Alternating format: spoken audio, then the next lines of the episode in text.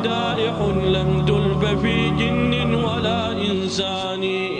فالله بالأخلاق يذكر أحمدا وصف لأحمد ما له من ثاني يا سيد السادات يا عثمان ترى أمر محمد في صعود وأمر قريش في نزول قال له ماذا تريد يا خالد قال دعنا نذهب وندخل فيما يدعو إليه هذا الرجل قال والله إن هذا لفي ومن له جبل أحب بقدرة الرحمن يا من تكلم بالمديح قريبه وبفضله نطق البغيض الشان والله ما حسدوك إلا أنهم علموا الله سيدا الدرس الرابع والعشرون أيها الإخوة المؤمنون وقفنا في حديثنا الماضي عند خبر أبي عزة الجمحي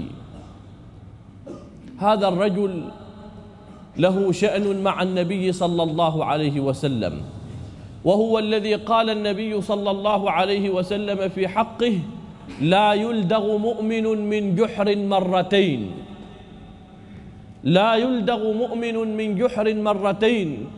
وهذا المثل أو هذه المقولة التي سارت بعد ذلك مثلا لم تسمع قبل النبي صلى الله عليه وسلم فأول من قالها هو النبي صلى الله عليه وسلم هذا الرجل كان من أسرى بدر أبو عز شاعر وله بنات أربع شاعر سخر شعره ولسانه في هجاء النبي صلى الله عليه وسلم وهجاء أصحابه سب وشتم ونيل من من الأعراض وبهتان وافتراء فكان من السبعين الذين وقعوا أسرى في بدر أسرى بدر طلب منهم الفداء فطلب من النبي صلى الله عليه وسلم أن يمن عليه أبغى العفو ما عندي شيء أقدمه ليس عنده مال قال فقال للنبي صلى الله عليه وسلم يا محمد اتركني للبنات عندي بنات أربع ليس لهن من يعولهن ومن يقوم على شأنهن ومن يعمل اتركني للبنات يا محمد فمن النبي صلى الله عليه وسلم عليه وتركه بشرط ألا يؤذي الله ورسوله والمؤمنين ولا يكثر عن النبي صلى الله عليه وسلم جمعا لأن الرجل إعلامي شاعر الإعلام في ذلك الزمان هو الشعر ألقى قصيدة قامت قبيلة بأكملها وسارت فيما يدعو اليه خطورته هنا يلقي قصائده واشعاره فيثور الناس على النبي صلى الله عليه وسلم وعلى الدين هذا الشرط فوافق على الشرط فتركه النبي صلى الله عليه وسلم ورجع الى بناته في مكه سالما مسلما لما جاءت احد واجتمع الناس على النبي صلى الله عليه وسلم وأصحابه العظام هذا الرجل أبو عزة الجمحي لم يخرج مع الناس فاستنكره الناس كيف ما تخرج جاءه صفوان بن أمية فقال له يا أبا عزة ما لك لا تخرج مع الناس أعنا بشعرك ولسانك ما نبغاك تقاتل قتال ورجال موجودين معنا أعنا بلسانك وشعرك نبغاك تسوي لنا كم بيت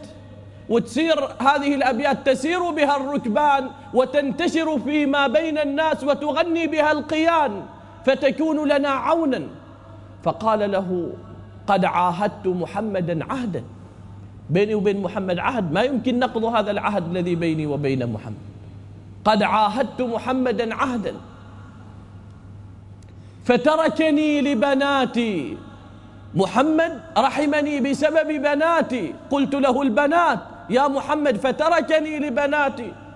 قال له بناتك قال له قال له ما يهمك صفوان بن أمية هذا للبنات أول شيء معنى وعده بما وعده به من العطاء قال إن رجعت سالما فلك كذا وكذا وإن أصبت فالبنات مع أولادي وبناتي لا أقدم بناتي على شيء قبل بناتك محفوظات مو تبغى أكثر من ذاك قال ما أبغى شيء فقام معهم مرة أخرى وخرج معهم إلى أحد وسلط لسانه على النبي صلى الله عليه وسلم وعلى أصحابه العظام خرج مع الناس في أحد سبحان الله لم يقتل في أحد النبي صلى الله عليه وسلم عندما وصل إلى حمراء الأسد حمراء الأسد هذا الموضع كان قبل أن ينزل النبي صلى الله عليه وسلم فيه نزلت فيه قريش أبو سفيان ومن كان معه من جيوش المشركين كانوا نازلين في نفس المنطقة التي نزل فيها النبي صلى الله عليه وسلم وهي حمراء الأسد هذا الرجال أبو عزة تعبان يمكن كم يوم ما راقد يوم مصنف في ذاك المكان نوخه في ذاك المكان نقها الرجال رقده بيكون ورقوه الصبح لكن ما نهض مجعول يقتل ما نهض الشمس طالعة والرجال ما عنده خبر عن الدنيا راقد حتى وصل النبي صلى الله عليه وسلم ووصل أصحابه فأسروه أسروه وأتوا به إلى النبي صلى الله عليه وسلم ما قادر يتكلم بشيء العهد الذي بينه وبين النبي صلى الله عليه وسلم مضت عليه سنة واحدة فقط العهد كان في رمضان فجاء رمضان الآخر فهي سنة وغزوة أحد كانت في شوال من السنة الثالثة من هجرة النبي صلى الله عليه وسلم ما قادر يتكلم شيء ماذا يقول الجرم والغدر ظاهر عليه فقال للنبي صلى الله عليه وسلم مرة أخرى اتركني يا محمد لبناتي فقال له النبي صلى الله عليه وسلم لا لا والله لا تمسح عارضيك بمكة تصير في مكة وتجلس عند الحجر وتدور تمسح على عارضيك وتقول خدعت محمدا مرتين الله تعالى يخبر نبيه بما يقع وما يكون قال لا والله لا تمسح عارضيك بمكة تجلس عند الحجر وتقول خدعت محمدا مرتين لا يلدغ مؤمن من جحر مرتين فأمر النبي صلى الله عليه وسلم عاصم بن زيد رضوان الله عليه فقام إليه وقتله جزاء غدره وهذه المقولة وهي قوله صلى الله عليه وسلم لا يلدغ مؤمن من جحر مرتين قالها النبي صلى الله عليه وسلم بعد ذلك في شأن رجل آخر له شأن في شيء من السفرات النبي صلى الله عليه وسلم يخرج ومعه منافقون ومعه أهل أغراض النبي صلى الله عليه وسلم يأخذ بالظواهر لا يعلم ما يبطنه الناس في قلوبهم لا يعلم شيئا من الغيب إلا ما أطلعه الله عليه قل لا أملك لنفسي نفعا ولا ضرا إلا ما شاء الله ولو كنت أعلم الغيب لاستكثرت من الخير وما مسني السوء إن أنا إلا بشير ونذير لقوم يؤمنون هذا الرجل كان النبي صلى الله عليه وسلم جالسا تحت ظل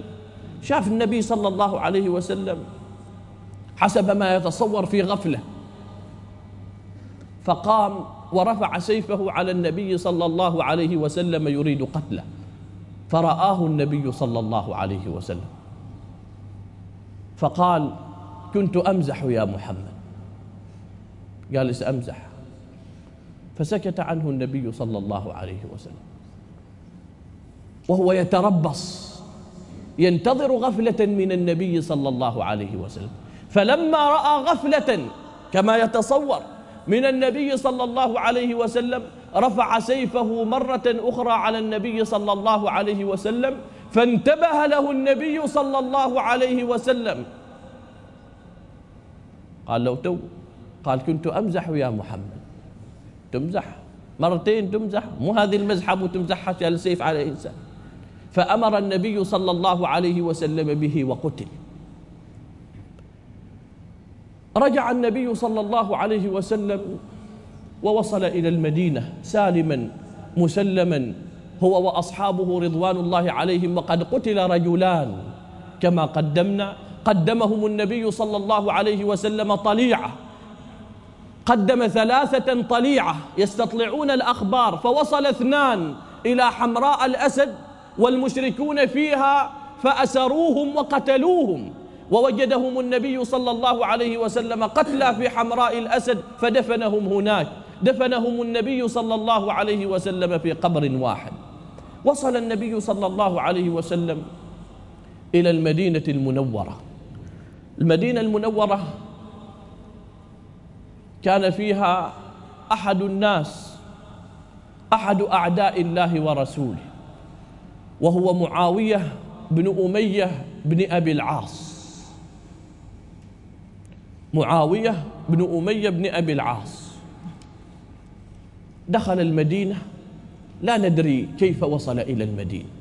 وما غرضه لكن هناك خطة هذا الرجل جاء يتتبع الأخبار وينظر ما يجري وما يكون فينقل تلك الأخبار إلى المشركين في مكة المكرمة ويخططون بناء عليها خطة للوصول إلى المدينة المنورة والقضاء على الإسلام والمسلمين هذا الرجل كان له قرابة بعثمان بن عفان هو ابن عمه لما أحس بالخطر أو كانت هذه خطة جاء ودق الباب على عثمان عثمان بن عفان لم يكن بالبيت فخرجت إليه أم كلثوم بنت النبي صلى الله عليه وسلم وهي زوجة عثمان فسأل عن عثمان أين عثمان قالت له عثمان ليس بالدار قال لها أرسلي إليه وأخبريه أن أحدا يريدك يريد أن يدفع إليك مال بعير ابتاعه منك قال أنا شارب عير من زمان ناقة مع عثمان وجئت أدفع إليه مالها وهي لا تعرف الرجل أرسلت إلى عثمان فجاء عثمان فلما رآه قال عثمان أهلكتني وأهلكت نفسك أهلكتني وأهلكت نفسك ما الذي جاء بك قال ما توجد قرابة قريبة إلا بيني وبينك وجئت أطلب الجوار أنا أعرف بأنني لن أخرج من هنا جئت أطلب الجوار أدخله عثمان وتركه في ناحية من نواحي البيت وخرج إلى النبي صلى الله عليه وسلم يطلب له الجوار تنزل الوحي على النبي صلى الله عليه وسلم يخبره أن هذا الرجل موجود في المدينة فأمر النبي صلى الله عليه وسلم أصحابه أن يبحثوا عنه صار الصحابة يبحثون عنه في كل مكان حتى وصلوا إلى بيت عثمان فدقوا الباب فخرجت السيدة أم كلثوم رضوان الله عليها وأخبروها بالخبر النبي صلى الله عليه وسلم أرسلنا نبحث عن فلان وهذا فلان قد يكون موجودا في بيت عثمان لأنه ابن عمه قالت لهم موجود ودلتهم على مكانه فأخذوه أسروه وأخذوه إلى النبي صلى الله عليه وسلم هم يدخلون بالأسير إلى النبي صلى الله عليه وسلم وعثمان بن عفان يدخل إلى النبي صلى الله عليه وسلم الوصول كان في وقت واحد فأمرهم النبي صلى الله عليه وسلم أن يقتلوا خيانة ماذا يصنع في المدينة ماذا يصنع وسط بيوت المسلمين هذا أمر معلوم وأطلع الله نبيه على أمر قال عثمان ما جئت إلا في شأن هذا الرجل يا رسول الله أطلب له جوارا أعطني إياه يعني اقبل جواري فيه أعطني إياه فقال له النبي صلى الله عليه وسلم أعطيناك إياه على ألا نراه هنا بعد ثلاثة أيام النبي صلى الله عليه وسلم أعطاه مهلة هذه هي الرأفة والرحمة ثلاثة أيام على ألا نراه بعد ثلاثة أيام الرجل بقي مكانه في المدينة يذهب هنا ويذهب هناك ويتتبع الأخبار بقي هناك حول المدينة خرج من المدينة وبقي قريبا منها في موضع يبعد ثمانية أميال عن المدينة المنورة يعني قرابة 12 كيلو أو 13 كيلو عن المدينة المنورة كان يدخل ويخرج إلى ذلك المكان الذي كمن فيه تنزل الوحي على النبي صلى الله عليه وسلم يخبره عن امر هذا الرجل فارسل النبي صلى الله عليه وسلم اليه رجلين وهما عمار بن ياسر وزيد بن حارثه ارسلهما اليه فوجداه فالقيا القبض عليه وقتلاه بامر النبي صلى الله عليه وسلم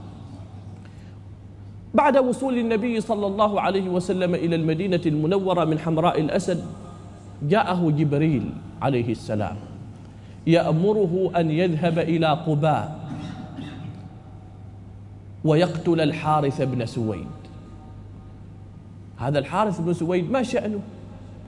هذا ممن شهد أحدا مع النبي صلى الله عليه وسلم من أهل قباء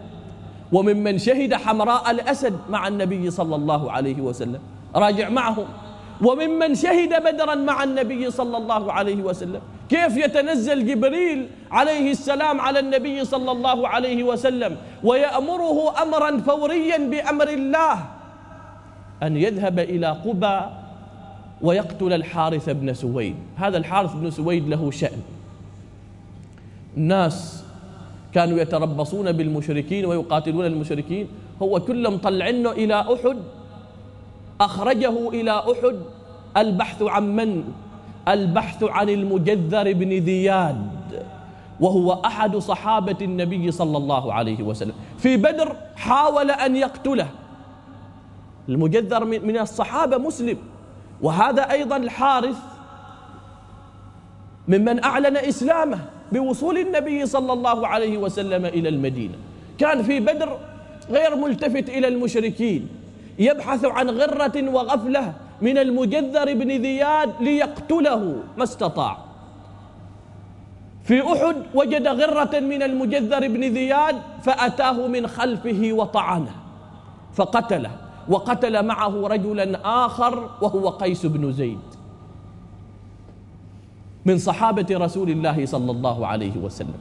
وهذا الرجل وهو الحارث بن سويد أيضا ممن كان مع النبي صلى الله عليه وسلم وكان ممن أعلن إسلامه لماذا؟ شيء قديم بين الرجلين شيء قديم تسمعون عن بعاث وهي الغزوة أو الحرب التي كانت بين الأوس والخزرج الأوس والخزرج وهما ابن رجل واحد هاتان القبيلتان بقيتا تقتتلان مئة وعشرين عاما مئة وعشرين سنة يطاحن حتى جاء الإسلام ودخل النبي صلى الله عليه وسلم المدينة فحجز بينهم الإسلام وهذه حرب بعاث سببها متصل بالمجذر سببها متصل بالمجذر ومن بالمجذر والحارث لهم صلة بهذه الحرب ما سبب هذه الحرب سبب هذه الحرب سويد بن الصامت وهو والد الحارث الذي قتل المجذر قتل ذيادا والد المجذر هذا الحارث سويد بن الصامت من الأوسيين وهذا المجذر لم يكن أوسيا ولا خزرجيا وإنما كان حليفا رجل من قوم آخرين ودخل المدينة ثم طلب الحلف تحالف مع من تحالف مع الخزرج ليس من الخزرج ولا من الأوس وهم عندهم قاعدة عندهم قاعدة لا يقتل الأصيل بالحليف الأصيل ابن القبيلة الذي يكون ابن القبيلة لا يقتل بالحليف الذي يكون من قبيلة أخرى ولكن دخل معهم ليعيش وعقد حلفاً لأنهم يرون بأن ذاك في درجة أكبر وهذا أقل ما يقتل دية فقط دفع الدية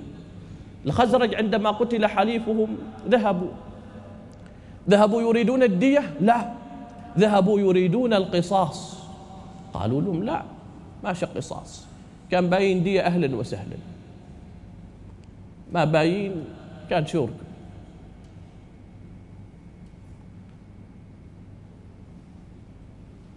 فقامت بعاث قبل أن تقوم بعاث هذا المجذر هذه بعاث قبل خمس سنوات من هجرة النبي صلى الله عليه وسلم المجذر تبين أنه ساكت وسويد بن الصامت قوم ما طاعوا عليه أبدا قالوا هذا شاعرنا وهذا عالمنا وهذا وهذا ما ممكن سويد بن الصامت ذهب حاجا إلى مكة عاد الإسلام جاي لكن كان يحج بالناس المشركين الإسلام فرض على الحج فرض على هذه الأمة في السنة الثامنة من الهجرة هذا الكلام قبل الهجرة ذهب سويد حاجا والنبي صلى الله عليه وسلم كان لا يسمع عن مجيء أحد من وجوه العرب إلا وتعرض له تعرض له وعرض عليه الإسلام لأنه إذا دخل في الإسلام ما يدخل وحده هذا وراء أمه يدخل هو وقومه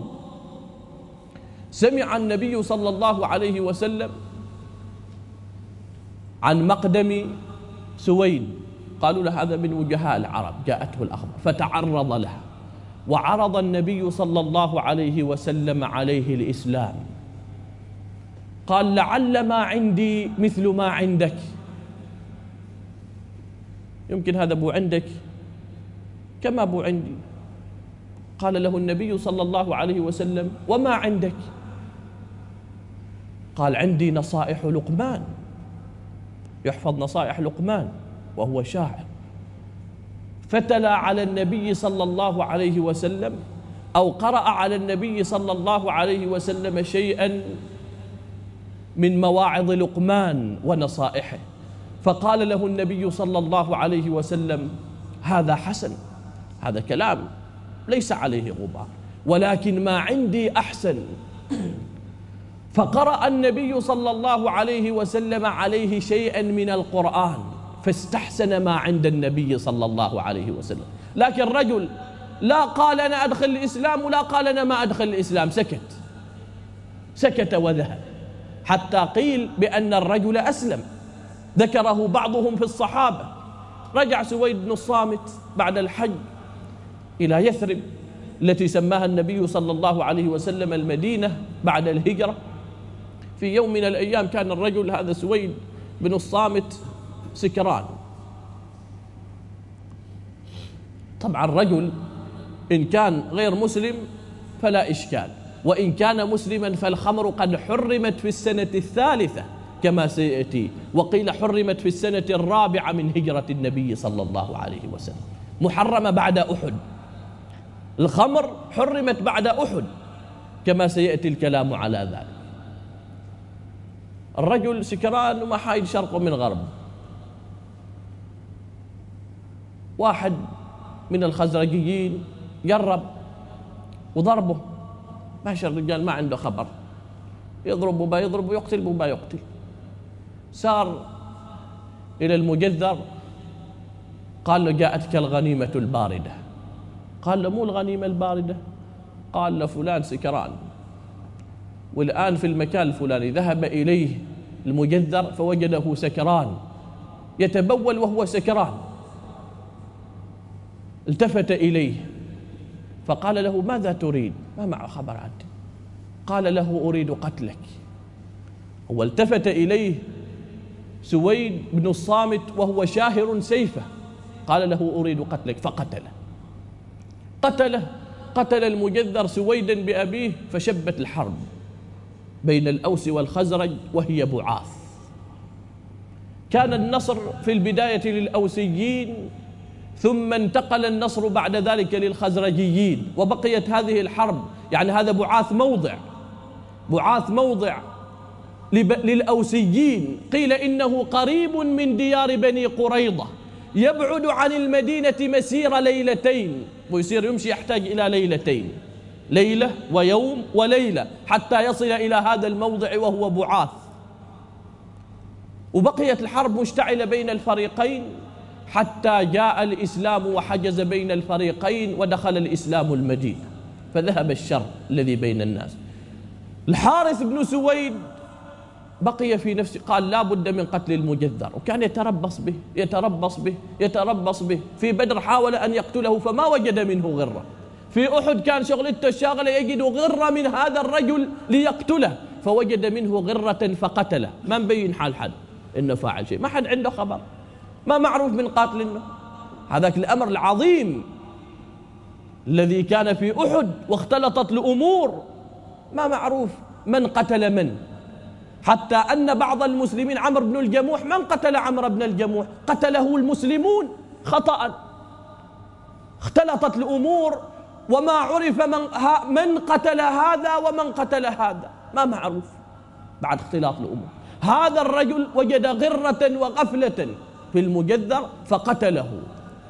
وقتل قيس بن زيد ولعل قيس بن زيد قد اطلع عليه وهو يقتله فتخلص منه أيضا حتى يموت الخبر والنبي صلى الله عليه وسلم ما معه خبر بالأمر حتى تنزل الوحي اذهب إلى قبى واقتل الحارث بن سويد ذهب النبي صلى الله عليه وسلم ودخل على أهل قبى في وقت ما كان النبي صلى الله عليه وسلم تعود أن يأتيهم فيه أول مرة يأتيهم في ذلك الوقت أول مرة وقت الظهيرة ظهر تسامع الناس أهل قبى تسامعوا أن النبي صلى الله عليه وسلم وصل إلى قبى وخرج الناس من بيوتهم الرجال والنساء والأطفال خبر انتشر بأن النبي صلى الله عليه وسلم وصل إلى قبى فخرج الناس من بيوتهم وممن خرج الحارث بن سويد خرج الحارث بن سويد فأمر النبي صلى الله عليه وسلم عويمر بن ساعدة أن يضرب عنقه يقيم عليه حد الله فقال لما يا رسول الله قال له لقتلك المجذر وقيسا فسكت ما تكلم بشيء ما قال إني ما قتلت أبدا لم يتكلم بشيء قال يا رسول الله ما فعلت ذلك كفرا أنا رجل في إسلام ما فعلت ذلك كفرا وإني أديهما وأصوم شهرين متتابعين عن كل واحد منهما وأعتق رقبة فقال له النبي صلى الله عليه وسلم لا هذا قصاص قال له النبي صلى الله عليه وسلم لا صيام شهرين وعتق رقبه والديه هذه تكون في من قتل خطأ أو في من قتل عمدا تكون في من قتل خطأ فأمر النبي صلى الله عليه وسلم عويمر بن ساعدة أن يقتله فقتله ورجع النبي صلى الله عليه وسلم وما نطق أحد بشيء الرجل ما أنكر شيئا أبدا والحد يكون مطهرة للإنسان إن تاب ورجع إلى الله تبارك وتعالى مثل ماعز الأسلمي رضوان الله عليه أقيم عليه حد الزنا رجم بعض الناس أخذوا يتكلمون ماعز وفعل وترك وكذا بلغ النبي صلى الله عليه وسلم مقالتهم فقال النبي صلى الله عليه وسلم لقد تاب توبة لو وزعت على أهل الأرض لوسعتهم ما المقصود ان الحد يعني الحد شرعه الاسلام مطهره للانسان وردعا للاخرين هذا امر يدرسه الناس في مقاصد الشريعه الاسلاميه هذا الذي جرى من امر هذين الرجلين في هذه السنه وبعد هذه الغزوه حرمت الخمر الخمر حرمت قبل ذلك ما فيها تحريم جازم لأن العرب كانوا متمسكين بالخمر أيما تمسك إلا القليل إلا القلة منهم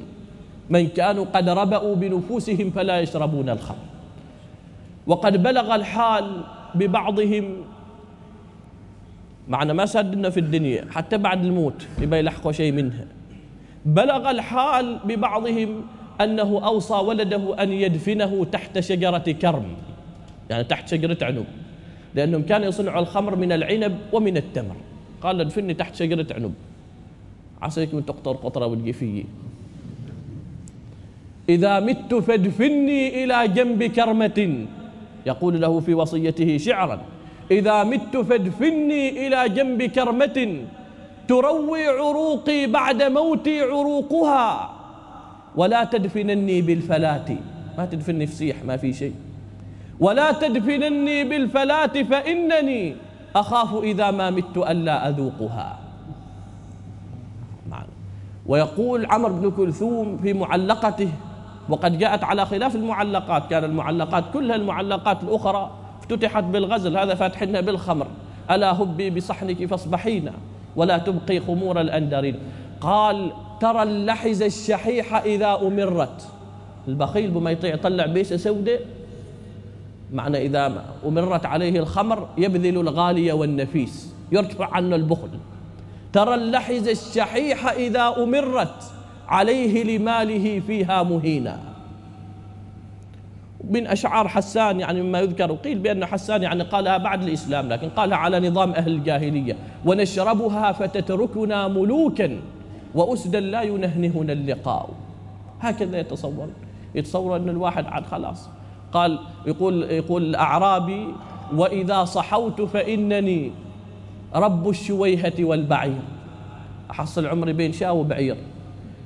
وإذا شربت فإنني رب الخورنق والسدير ملك أستوي يتصورون هذا يتصورون هذا التصور الإسلام راعى هذا الأمر راعى تمسكهم بهذا القدر ولذلك الإسلام عندما حرمها حرمها تدريجا ما حرمها مرة واحدة لكن لو حرمت من أول مرة كان صعب الأمر على النفوس وإن كان صحابة النبي صلى الله عليه وسلم الأتقياء الأنقياء عظام النفوس وما كان لمؤمن ولا مؤمنة إذا قضى الله ورسوله أمرا أن يكون لهم الخيرة من أمرهم ومن يعص الله ورسوله فقد ضل ضلالا مبينا أول ما تنزل في الخمر تتخذون منه سكرا ورزقا حسنا عندما ذكر الله تبارك وتعالى النخل تتخذون منه سكرا ورزقا حسنا هذا في إشارة قال تتخذون منه سكرا ما قال سكرا حسنا وهناك قال ورزقا حسنا سكر ذكره وحده والأمر الآخر ذكره وحده ووصفه بالحسن هذا فيه إشارة معناته السكر الخمر ليست حسنة لكن ما في تحريم جازم وكان عمر بن الخطاب رضوان الله عليه فيما قيل يسأل الله تبارك وتعالى اللهم بين لنا في الخمر بيانا شافيا بعد ذلك في المدينة تنزلت آيات منها في سورة البقرة يسألونك عن الخمر والميسر قل فيهما إثم كبير ومنافع للناس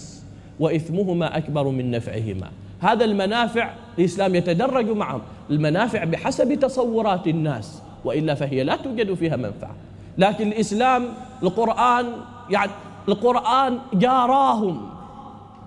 قل فيهما إثم كبير ومنافع للناس كما تتصورون فيها منافع للناس وإثمهما أكبر من نفعهما وهنا أفعل ليست للتفضيل وهي كثير في القرآن تأتي لغير التفضيل أفعل تأتي لغير التفضيل وذلك في مواضع كثيرة من كتاب الله تبارك وتعالى في سورة البقرة ولو أنهم آمنوا واتقوا لمثوبة من عند الله خير لمثوبة من عند الله خير هنا أفعل هل هي للتفضيل لا الخيرية مطلقة في مثوبة الله تبارك وتعالى وعدم المثوبة ليس فيها خير أبدا ما المنفعة التي كان يجدها العرب من الخمر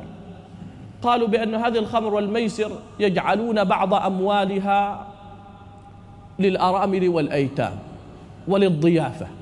شيء أموال هذا معنى الذي يلعب الميسر أو القمار جزء من ذلك المال الذي يناله أو كله يخصص لأي شيء يخصص للأيتام وللأرامل وللإكرام العام هذا الذي يتصورون القرآن عاد شيء يقال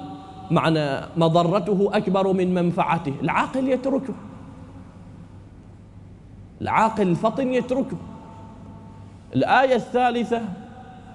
يا أيها الذين آمنوا لا تقربوا الصلاة وأنتم سكارى حتى تعلموا ما تقولون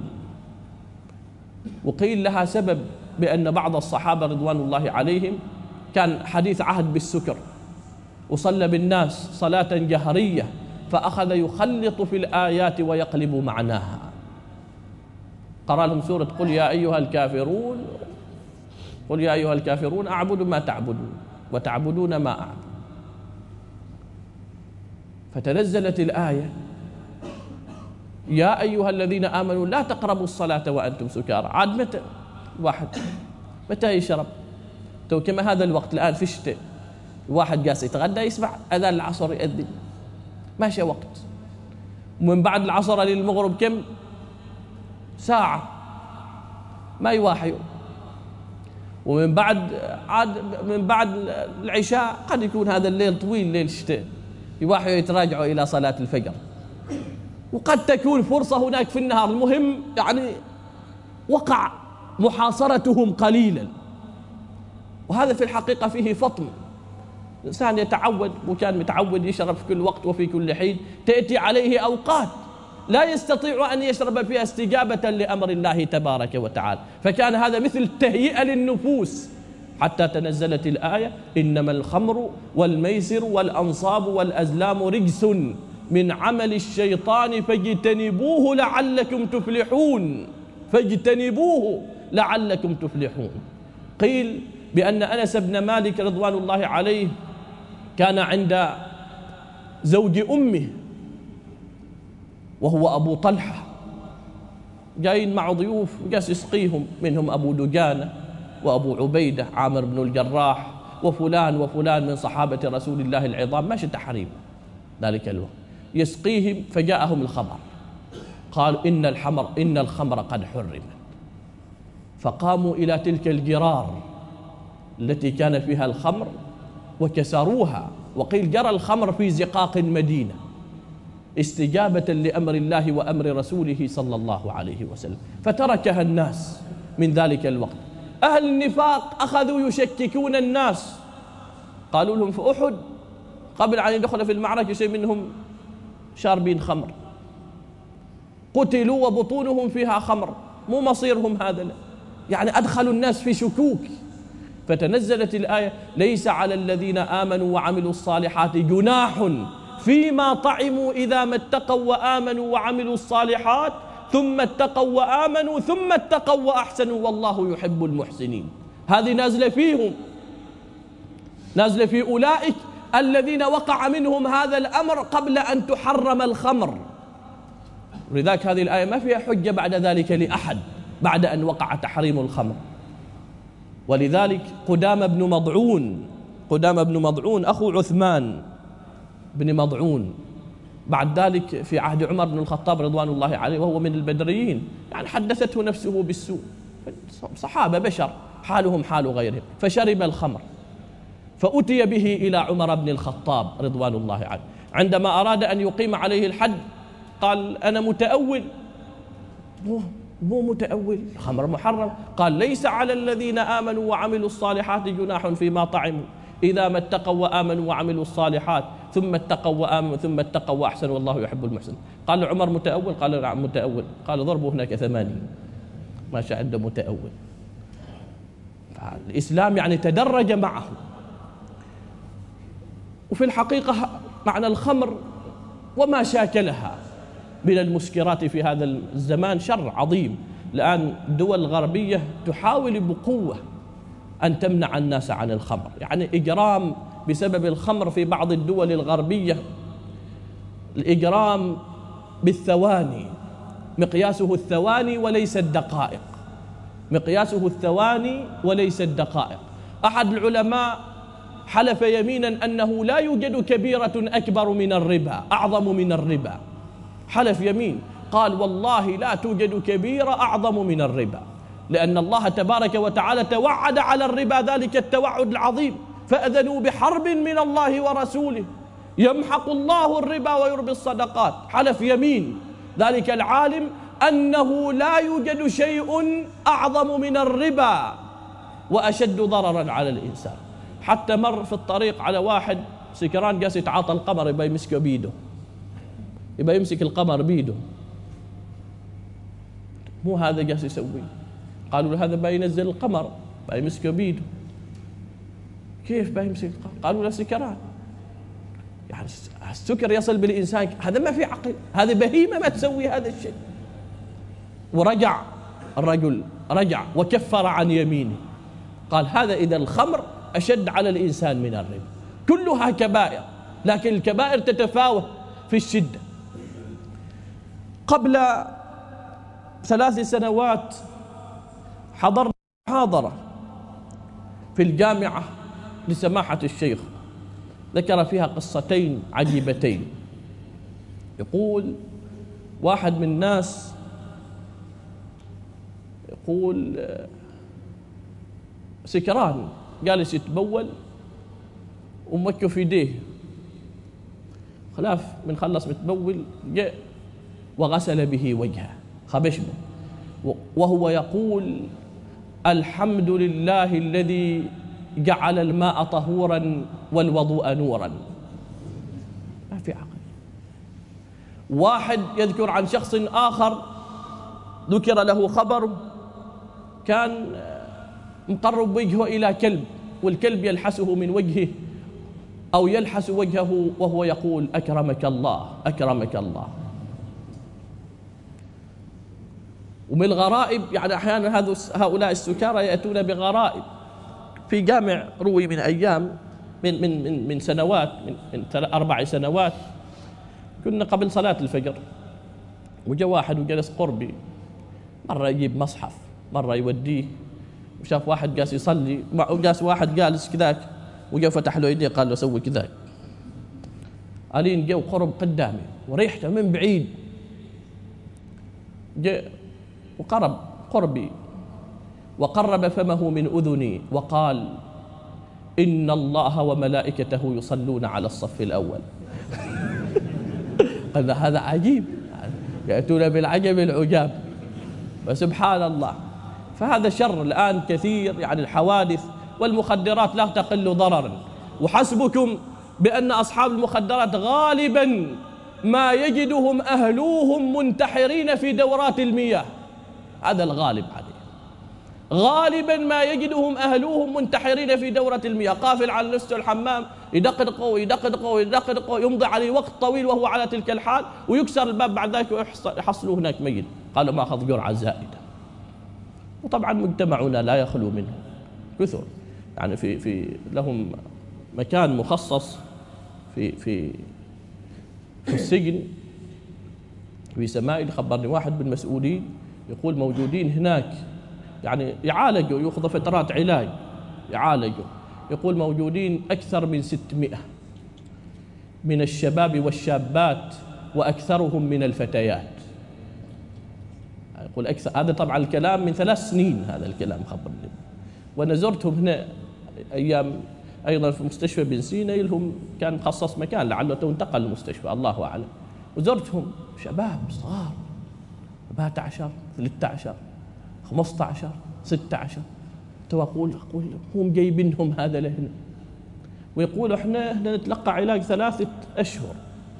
بعد هذه الاشهر الثلاثه يقول نخرج نجلس اسبوعين ثلاثه يقول نسير البيت اهلهم نابذينهم اهلهم يقول احنا فرجعنا حال اصحابنا السابقين مره اخرى وعدنا الى الحاله التي كنا فيها يعني هذه ازمه الحقيقه الواجب على الناس جميعا أن يتعاونوا لحلها ويبدا التعود متى قبل يبدا التعود هذا موجود في معنى تبيعه بعض المحلات سرا هذا ابو يسميه افضل تبيعه بعض المحلات سرا وموجود ويتناقلوه الطلاب كثير من طلاب المدارس يتناقلونه فيما بينهم في المدارس ويبدا من هناك الضياع شيء شيء شيء شيء شيء شيء شيء شيء حتى يصل الى حاله لا تحمد عقباه وأنا أقول ختاما قول الله يا أيها الذين آمنوا قوا أنفسكم وأهليكم نارا وقودها الناس والحجارة عليها ملائكة غلاظ شداد لا يعصون الله ما أمرهم ويفعلون ما يؤمرون أيا قاصدا أرض النبي محمد يجوب إليها فدفدا بعد فدفد إذا ما شممت الطيب من أرض طيبة وشاهدت قبر الهاشمي الممجد فسلم على ذاك الضريح الذي حواه أجل نبي في الأنام وسيدي وقبل ثراه فهو مسك وعنبر بأنف ذليل خاشع متودد وسلم على الزاكي أبي بكر الذي تقدم في التصديق كل موحد وصاحبه الفاروق ذي البأس والتقى أبي حفص المحمود في كل مشهد وبلغهم تسليم عبد مكبل بكبل المعاصي والذنوب مقيد وقل يا رسول الله جئتك زائرا فكن شافعا لي عند ربك في غدير